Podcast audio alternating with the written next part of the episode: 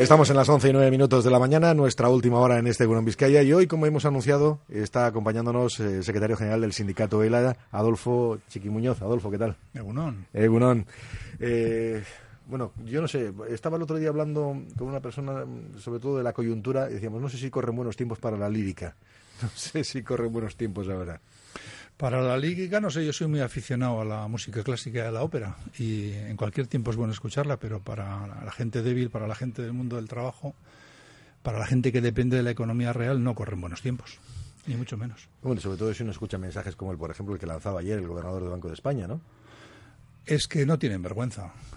Eh, el Banco de España ha sido responsable y cómplice de una gestión de eliminación de las cajas de ahorros, aprovechando desbarajustes en los que el poder político ha tenido complicidad, ¿no? Pongo, por ejemplo, Bankia, donde nos ha costado 22.000 millones de euros y que el Banco de España, que es el responsable de orientar las políticas para que haya una devaluación salarial, para que caigan los salarios, argumente ahora que como los salarios son bajos y hay poca cotización, hay que bajar las pensiones y, recomendar que hay que trabajar más allá de los 67 años y que eh, no se tienen que subir las cotizaciones porque afectan a las empresas y que hay que contratar fondos privados, pues eh, es que el, gobernador del Banco de España trabaja para el sector financiero que está buscando nichos de negocio, ¿no? Y eso, los fondos privados de pensiones, ¿quién los puede contratar? Trabajador normal que cobra 600, 700 euros, 1000 euros puede contratar un fondo privado de pensiones. No, ellos no tienen, no tienen límite, ¿no? Estamos en una fase en donde mm, retóricamente los que terminan dirigiendo el mundo eh, en lo económico y en lo político hablan del incremento de las desigualdades, ¿no? Se ha celebrado el foro de Davos hace poco, el Fondo Monetario, pero es una retórica vacía, una gran hipocresía porque cuando recomiendan medidas a tomar, todas van en la misma dirección. Todas van en la misma dirección. Es un saqueo a los derechos sociales y a los derechos laborales lo que están haciendo.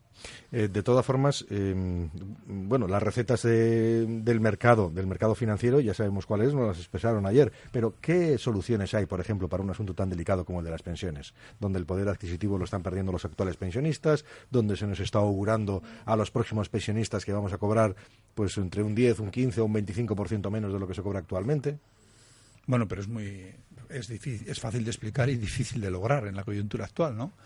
Pero es muy sencillo. Hay que dignificar el trabajo porque hay que explicar a la gente las pensiones actuales se pagan con el dinero de los cotizantes actuales, ¿no? Y las pensiones futuras se van a pagar con el dinero de los cotizantes futuros. Si el objetivo del gobierno, de la patronal, es que los salarios caigan, con niveles salariales bajos es imposible financiar pensiones dignas. Es así de simple. Y luego está, eh, evidentemente, el recurso de que parte de la financiación de las pensiones se haga con impuestos, ¿no? Si la política eh, prima el cumplimiento del déficit y el pago de la deuda, pues eh, también está espía por ese lado, porque no puedes incrementar el gasto, ¿no? Entonces es una pescadilla que se muerde la cola, ¿no? hay que financiar más con impuestos las pensiones y hay que mejorar la calidad de los contratos para que haya cotizaciones para que esas pensiones se puedan se puedan pagar ¿no? nosotros cuando se hizo la reforma de pensiones ya dijimos que ese escenario de reformas permanentes venía que no había terminado y que si el objetivo se cumple de deterioro laboral de deterioro de condiciones de trabajo es imposible financiar las pensiones públicas con dignidad. Lo que pasa es que, claro, menciona que tiene que haber una mm, presencia notable de los impuestos para poder financiar el sistema. Bueno, pero estamos observando, por ejemplo, y sin ir más lejos, y ya me voy a ceñir a Euskadi, ya sé que aquí la relación no es directa, pero en Euskadi, por ejemplo, el sistema financiero, el sistema fiscal no, no se quiere tocar. El Consejo Vasco de Finanzas el otro día, después de unas insinuaciones en las que se dijeron que igual había que hacer una revisión del impuesto de sociedades, bueno, pues las diputaciones forales dijeron que no. Ayer, por cierto, el sindicato de la también tuvo una jornada de protesta en torno a eso, ¿no? Mira, hace 15 días en España se produjo un debate interesante que los medios eh, vascos lo han recogido muy poquito, muy poquito. Montoro ha modificado el impuesto de sociedades para recaudar más. En España me defendía que había margen la patronal española, la COE, ha salido durísima contra Montoro. Le ha dicho, eres peor que Podemos. Salvando las distancias, por supuesto, ¿no? Y Montoro le decía a la patronal que es una indecencia que las empresas grandes eh, paguen un seis y pico de impuesto. Las pymes paguen mucho más. Y que ninguna pague el tipo nominal que aparece en el, en el impuesto. El 25 en España, no sé exactamente cuál es, aquí es el 28, ¿no? Aquí pasa lo mismo, no, aquí no pasa lo mismo, aquí se paga menos.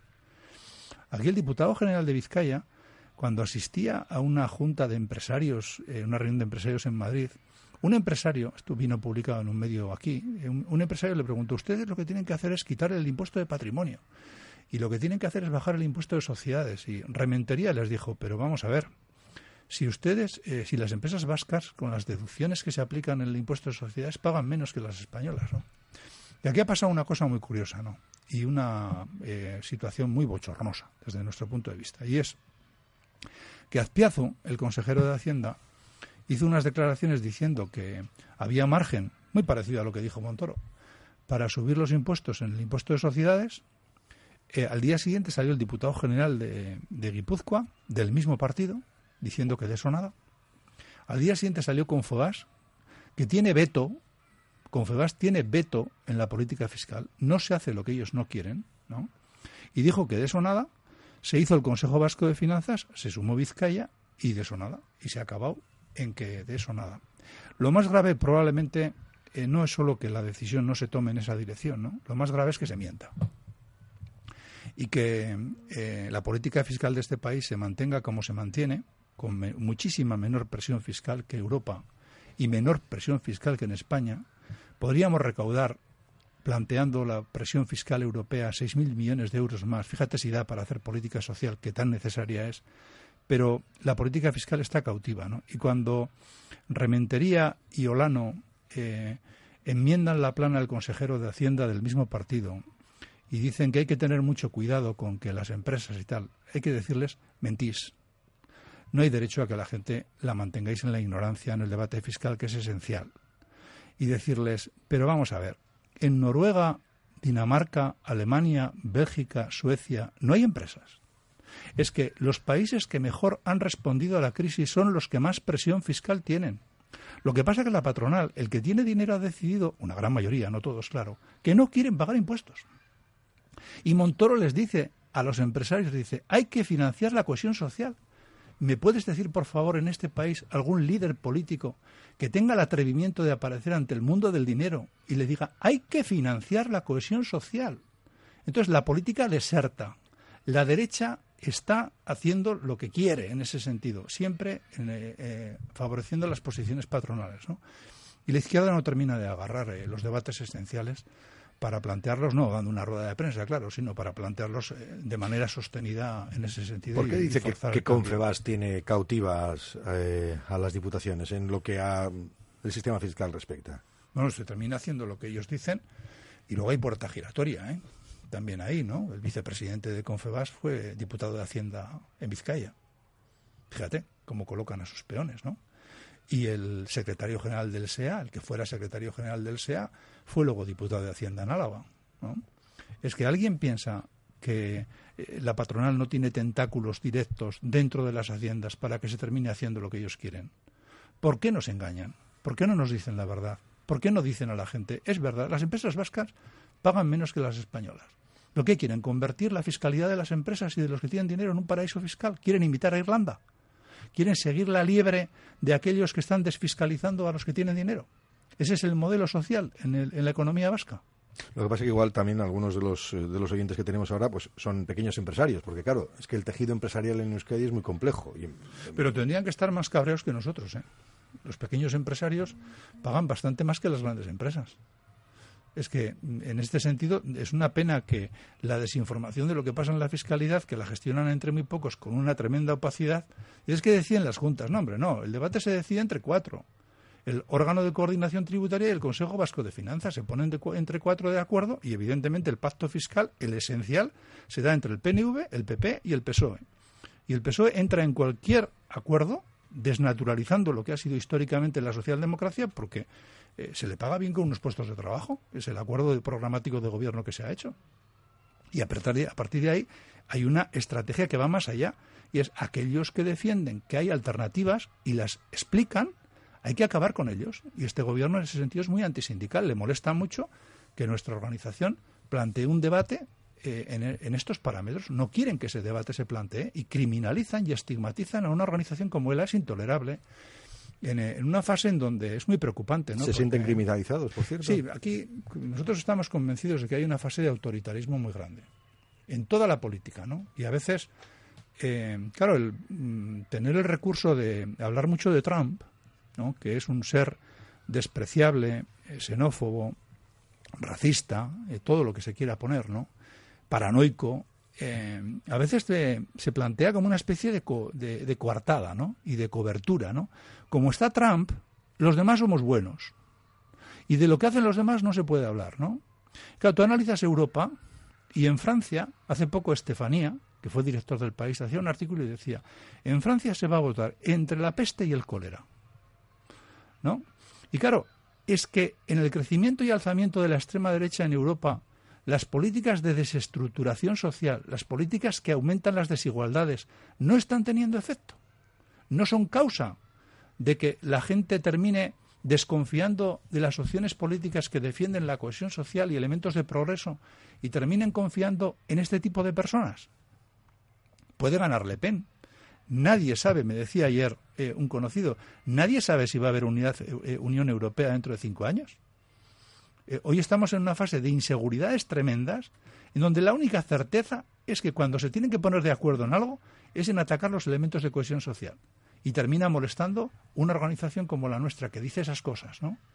No, pues nosotros estamos eh, eh, muy preocupados con los componentes autoritarios de este gobierno. El acuerdo del 22 de julio con la minoría sindical vasca es un acuerdo muy pensado, porque el poder económico y el poder político vasco liderado por el Endacari han decidido que quieren intentar neutralizar eh, la eficacia de la mayoría sindical vasca. Y nosotros no vamos a consentir que eso sea así. Eh, no ha tenido que ceder en sus posiciones el sindicato ELA precisamente porque eh, un acuerdo de esas características ha propiciado que luego en empresas como Mercedes se han llegado a otro tipo de acuerdos? No, en absoluto. Confebas sabe perfectamente, y el Gobierno también, porque ya se lo contamos, que nosotros ese acuerdo lo hubiéramos firmado en el 2011. A nosotros nos vino Confebas en el 2011, después de la reforma de Zapatero, eh, ¿estaríais dispuestos a firmar un acuerdo interprofesional para blindar el ámbito vasco de negociación? Mandarnos el documento, lo estudiamos, sí estamos dispuestos a estudiarlo. ¿Qué pasa? La siguiente reunión cuando vinieron nos dijeron, eh, las patronales hemos consultado a CBEC, a SEA y a, y a ADEGI y nos han dicho que quieren más, que quieren la garantía de que no va a haber conflicto.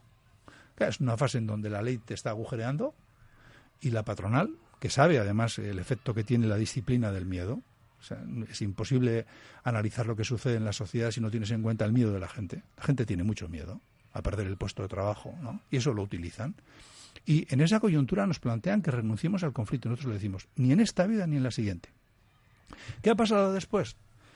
Eh, tendrá que explicar Confebas por qué, pero Confebas renuncia a plantear el tema del conflicto y vuelve al planteamiento inicial del 2011. Cuando eso se produce, ELA hace lo que hubiera hecho en el 2011. Pero hay documentos. En el 2013, cuando se rompe el intento de acuerdo interprofesional de Urcullo y de Aburto, Confegas plantea un documento y en ese documento está el planteamiento de que quiere que los sindicatos firmemos la paz social. Ella no estaba sentada en aquella mesa, estaban la comisiones UGT y no hubo acuerdo. No fue culpa de ella, tenían mayoría no lo hicieron. No, a partir de, es que a raíz precisamente de lo que, de lo que estamos comentando, dicen, bueno, el sindicato ELA está mm, cambiando las posiciones porque ha visto, por ejemplo, que la negociación empresa-empresa no ha funcionado, no le está funcionando y que muchos de sus, eh, de sus eh, trabajadores, etcétera, afiliados, le están dando la espalda en las empresas. no, eso no es verdad. Eso no es verdad. La gente, eh, la gente entiende que no, que no logres eh, determinados acuerdos porque sabe que la situación es muy complicada. Lo que la gente, nuestra gente no entiende es que le des la espalda y que le tomes el pelo. No se puede decir, como dicen algunos sindicatos, que las dos reformas que se han hecho han destruido la negociación colectiva y luego culparle a ELA de que no haya acuerdos, ¿no? Porque ELA a la negociación colectiva va diciendo cosas muy sencillas. Dice, tiene que haber incremento de salarios. Mira cómo están ¿eh? los salarios, ¿eh? qué entradas se están produciendo. Son miserables. La gente que está entrando al mercado de trabajo está entrando en condiciones miserables. Planteas que no tiene que haber retrocesos, planteas que lo firmado se tiene que cumplir, planteas elementos racionales que tienen que ver con eso que antes decíamos, es que queremos pensiones dignas, sí, pero es que hay que sujetar los salarios, porque si no es imposible financiarlo, ¿no? Entonces, la patronal que tiene, nos lo ha dicho, dice, no tengo necesidad de negociar. Me han dado mucho más de lo que quería. Ni en sueños pensaba que nos iban a dar las reformas que nos han dado Entonces tú estás negociando con, una, con un agente, con, una, eh, con la patronal, que es consciente de su privilegio. Y, esto no, no vale apelar a la Virgen de Lourdes. Esto es una cuestión de relación de fuerzas. Él está trabajando y diciéndole a la gente del mundo del trabajo que si vamos uno por uno perdemos y que la gente se tiene que organizar. Y cuando te organizas, cuando sindicalizas los ámbitos de trabajo se pueden hacer cosas distintas. El viernes pasado celebramos un acto con un montón de empresas que durante el año 2016 han obtenido logros sindicales importantes. ¿Qué pasa? Que no cobra protagonismo en los medios de comunicación porque al sistema no le interesa. Pero esa vida real existe también. Ya nos gustaría que tuviera más eco mediático. De todas formas, eh, eh, sí que en algunos comentarios, en algunas entrevistas precisamente ha salido el tema del sindicato ELA entre ellos eh, bueno, situaciones que ahora mismo se generan. Eh, situaciones en las que se afirma, por ejemplo, el sindicato él estaría dispuesto a, renunciar en las negociaciones a que la patronal dijera que no va a aplicar la reforma laboral, que por cierto dice que no aplica. Eh, eso hay que estudiarlo en cada caso concreto. cuando se plantean, hay un montón de mesas abiertas, ¿no? Dices que ella no está en las mesas. Ella está en todas las mesas de negociación colectiva, en todas. Y a partir de ahí nosotros desde la entrada en vigor de la reforma hemos firmado pues del orden de 25, 27 sectores que tienen esas condiciones que yo te digo. Es que tú puedes firmar convenios, pero puedes aceptarle retrocesos, puedes eliminar la antigüedad de los trabajadores, puedes eh, incorporar elementos de flexibilidad que terminan redundando en que hay menos empleo porque la gente trabaja 12 horas seguidas en muchas empresas. ¿no? Tú, evidentemente, si tu objetivo es que te legitimes en la firma con la patronal, tú puedes renunciar a los elementos que tienen que ver con los contenidos que te preocupan. Él ha decidido que no quiere renunciar a eso y evidentemente eso complica la negociación. Pero hombre, los niveles salariales en términos comparativos, la erosión, la decisión patronal de que aquí había que ganar competitividad bajando salarios está teniendo efectos desastrosos en todo el Estado. Aquí también, ¿eh? Aquí también. Y nosotros estamos haciendo lo posible y lo imposible por intentar evitar esa situación. El otro día, y ese acuerdo que ha mencionado antes, lo celebraba todo el mundo, afirmando, bueno, pues todos los sindicatos y la patronal son capaces de firmar acuerdos. Digamos que lo único que se había establecido es el terreno de juego donde se va a disputar el partido. ¿Cree que eso va a propiciar otros acuerdos determinados? Por sí mismo no, porque la posición patronal no, no ha cambiado. No. el acuerdo sirve para que los convenios que están firmados tengan garantía de aplicación. Hay que ver qué pasa en el ámbito del Estado lo que nos llega a nosotros de Madrid es que hay organizaciones patronales y sindicales españolas que no les gusta nada el acuerdo que hemos firmado y que tienen voluntad de atacarlo jurídicamente. Vamos a ver qué es lo que sucede. ¿eh? Bueno, las patronales han sufrido precisamente el acoso y la crítica de otras patronales en otros, en otros lugares, ¿eh? También. Sí, en claro. conjunto del Estado, ¿eh? Sí, pero para la patronal es muy atractivo porque antes cuando decía eh, el privilegio que tienen, eh, la patronal se siente en la mesa y solamente estando pasivamente, sin hacer nada, dejando que transcurra el tiempo, gana. ¿Por qué? Porque pierde la vigencia del convenio, pierde la vigencia por el efecto de la reforma de Rajoy que elimina la ultraactividad y entra en vigor un convenio que es mucho peor.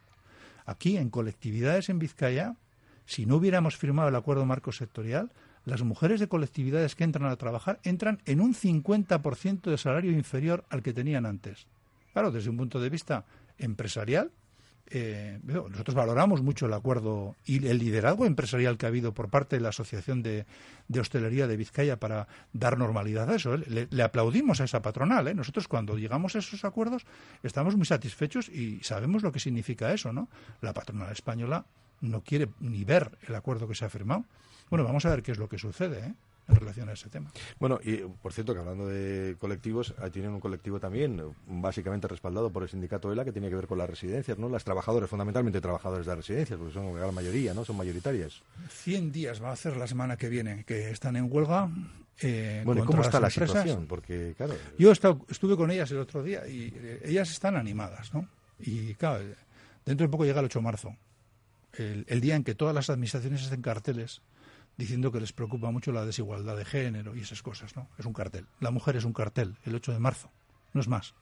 Porque cuando se plantean los contenidos que tienen que ver con los elementos en, los que las mujeres históricamente han sido discriminadas, el tratamiento es de estigmatización de ese, de ese colectivo. ¿no? Y las mujeres de residencias de Vizcaya, ¿qué están pidiendo? Que quieren llevarse a casa 1.200 euros quieren llevarse. Y nosotros le decimos al diputado general de Vizcaya, es una barbaridad que las mujeres en Vizcaya quieran ganar 1.200 euros, tratando cuidando a nuestros mayores en las residencias en trabajos muy penosos. Eso es una barbaridad. ¿Cuál es la apuesta por el modelo de sociedad dignificación de condiciones de trabajo que afecta al colectivo de mujeres? Nosotros hemos hecho una acusación muy dura a la Diputación y a las empresas. Ese empleo se ha pensado para mujer. Se ha extendido el cuidado de la casa a los empleos relacionados con los cuidados. Se ha pensado para mujer y no se soluciona porque son mujeres. Ese empleo, si hubiese sido pensado para hombres, nosotros estamos convencidos que hubiera tenido otras condiciones de trabajo. Y eso es una acusación muy dura. Y nosotros le decimos a la Diputación y a las empresas que están ganando más dinero estando de huelga que si no hubiera huelga, porque claro, no cumplen los servicios, pero no tienen retenciones. La Diputación no le... Es una paradoja, ¿no? Aquí pierden las trabajadoras eh, que no perciben el salario de las que hacen huelga y las empresas siguen cobrando lo mismo. Eh, en este sentido, claro, si esto sigue así, pues esto es un chollo. Tú haces huelga, haces la protesta, pero las empresas ganan más, ¿no?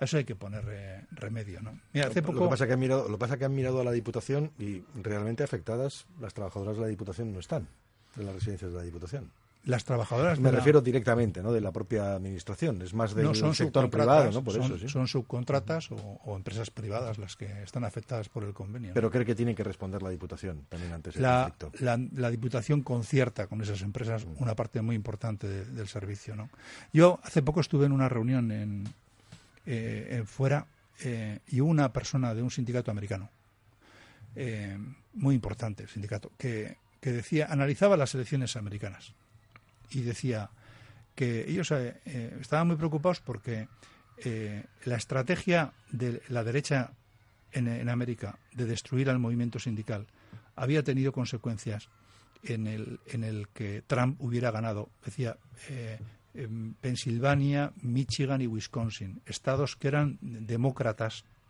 No entro a catalogar a los demócratas y los republicanos. ¿no? Estoy haciendo una lectura de qué hay detrás del intento de desestructurar a las identidades colectivas que refuerzan la cohesión social. Eso se ha hecho en Inglaterra, se ha hecho en América. Y decían, ahí ha ganado Trump. El movimiento sindical en los últimos 15-20 años ha perdido una tasa de afiliación del 28% al 7%. Y esa líder sindical explicaba a los demás, y nos debería servir de lectura, de que las estrategias político-económicas que quieren erosionar al movimiento sindical están buscando el triunfo completo, no quieren, quieren eliminar cualquier discusión en la sociedad, cualquier discusión. Y saben que, evidentemente, el movimiento sindical es una resistencia. Y no aceptan organizaciones. Cuando el diputado general de Vizcaya dice, voy a abrir el debate a la sociedad y voy a llamar a ciudadanos concretos, no, con nosotros no se ha nunca. Con la organización ELA, como organización ELA, nunca, nunca se ha reunido. Con nosotros cuando le planteamos que queremos hablar de fiscalidad no quieren hablar. ¿Con quién quieren hablar? ¿Con quién quieren hablar? ¿Con quién no sabe? ¿Con quién le mantienen ignorante? Ese es el modelo de sociedad que se quiere llevar adelante. Pasa igual en el gobierno. No quieren organizaciones. Quieren individuos. Y cuanto más aislados e individualistas, mejor. Ese es el debate que se nos plantea plantear este debate a nosotros nos parece en este momento crucial en la sociedad en la que vivimos. Eh, cuando estaba hablando y estaba haciendo referencia a, esa lectura, a esa descripción que se hacía del, conflicto con los sindicatos, estaba pensando en una frase que decía, yo no dejo heridos, ¿no? Hay algunos que no quieren quieren laminar todo el sistema, ¿no? Bueno, en el tema de Cuchabán... Ah, bueno, ya, así se ha mezclado bien. En el tema de Cuchabán, la pregunta que se hace ELA, no en Cuchabán, ¿eh? es ¿Cuántos cabieces hay en las grandes empresas y en el mundo financiero para explicar eh, la disciplina de la política a, los intereses económicos? ¿Cuántos cabieces hay? Ese sería el, gran informe que explicaría cómo funciona la política. ¿Y, qué, impresión, tiene que daría ese informe? Que hay muchos. y que están eh, que todos los partidos sistémicos tienen a muchísima gente y las grandes empresas se lo cobran bien se lo cobran bien muy bien o sea que estamos haciendo un bucle en la conversación, entonces, porque me decía al principio que, por ejemplo, el sistema fiscal está en manos de las empresas y ahora hemos llegado a otro punto en el que me dice que llegan los pagos. Sí, bueno, pero no descubro el Mediterráneo, ¿no? Creo que en el Estado español y en el ámbito vasco también, si se hace una investigación, a poco que se haga, se llega a la conclusión de que muchas eh, personas, o sea, aquí, eh, el que cae mal, ¿quién cae mal? Eh, ¿Quién no tiene siete vidas? El que tiene un empleo y no tiene más agarradero, ¿no? Eh, tú ves cómo la política eh, funciona en determinados ámbitos en donde cuando sales de un sitio vas a otro, vales para eh, eres multifuncional, eh, terminas siendo asesor y si no terminas siendo asesor, no te preocupes, que ya tenemos amigos en empresas importantes o en empresas participadas por empresas importantes para que te paguen el sueldo. ¿no? Eh, la política, una gran parte de la política está cautiva porque las grandes empresas y el poder financiero tienen comprados a, muchas personas que tienen influencia dentro, ¿no? Pero bueno, Aznar, eh, Felipe González, Solves, Salgado, hay, un montón de gente que está en esa situación, ¿no? Esa gente se termina, las empresas se terminan cobrando esos magníficos sueldos que les pagan, eh, haciendo que cuando las decisiones que tomen esos partidos beneficien sus intereses. ¿Hay alguna posibilidad de que terminemos con algún mensaje optimista? Joder, el, mensaje eh, es casi optimista. Es, de verdad, yo el viernes en esa jornada que hicimos, eh, me ilusioné mucho y creo que el movimiento sindical, si es capaz de sacar conclusiones de lo que está pasando en la sociedad en la que vivimos, lo que le tiene que decir a la gente del mundo del trabajo, a todo el mundo en general, es organízate. El sistema se está montando para que nos miremos el ombligo, para que vayamos uno a uno, para que seamos indiferentes a lo que pasa a nuestro alrededor, en todos los ámbitos, y a la gente lo que hay que decirles es que se organice que la única manera de hacer frente a esta escabechina que están haciendo es a través de organizaciones muy potentes. Adolfo Muñoz, secretario general del sindicato ELA, le agradecemos el que haya estado con nosotros en esta mañana. A vosotros. Que tenga buen día, es que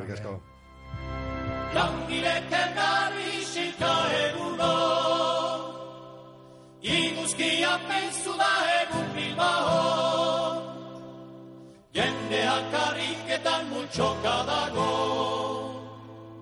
langileak borroka dira de hasiko. Gozea iluna borrokaren txari, sagarra ondu da, baina ez da herori.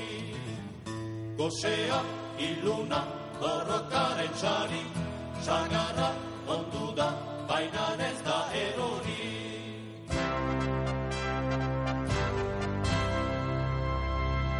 Garbia baitzen eskatxaren gorputza. Nork egin duaren zikintzeko hutsa. Gizona xutik egonen dea hemen. Bere zuzena daizikan ez du eskatzen Gosea, iluna, borrokaren txari Zagarra, ondu da, baina ez da erori gozea, iluna, borrokaren sari, sagarra, ondu da, baina ez da erori.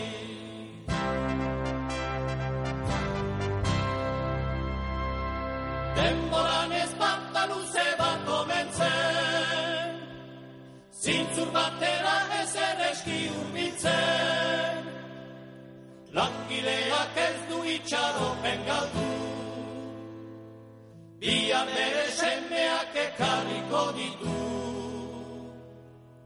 Gozea, iluna, borrokare txari Sagarra, ondu da, baina ez da erori. Gozea, iluna, borrokare txari Sagarra, ondu da, baina ez da.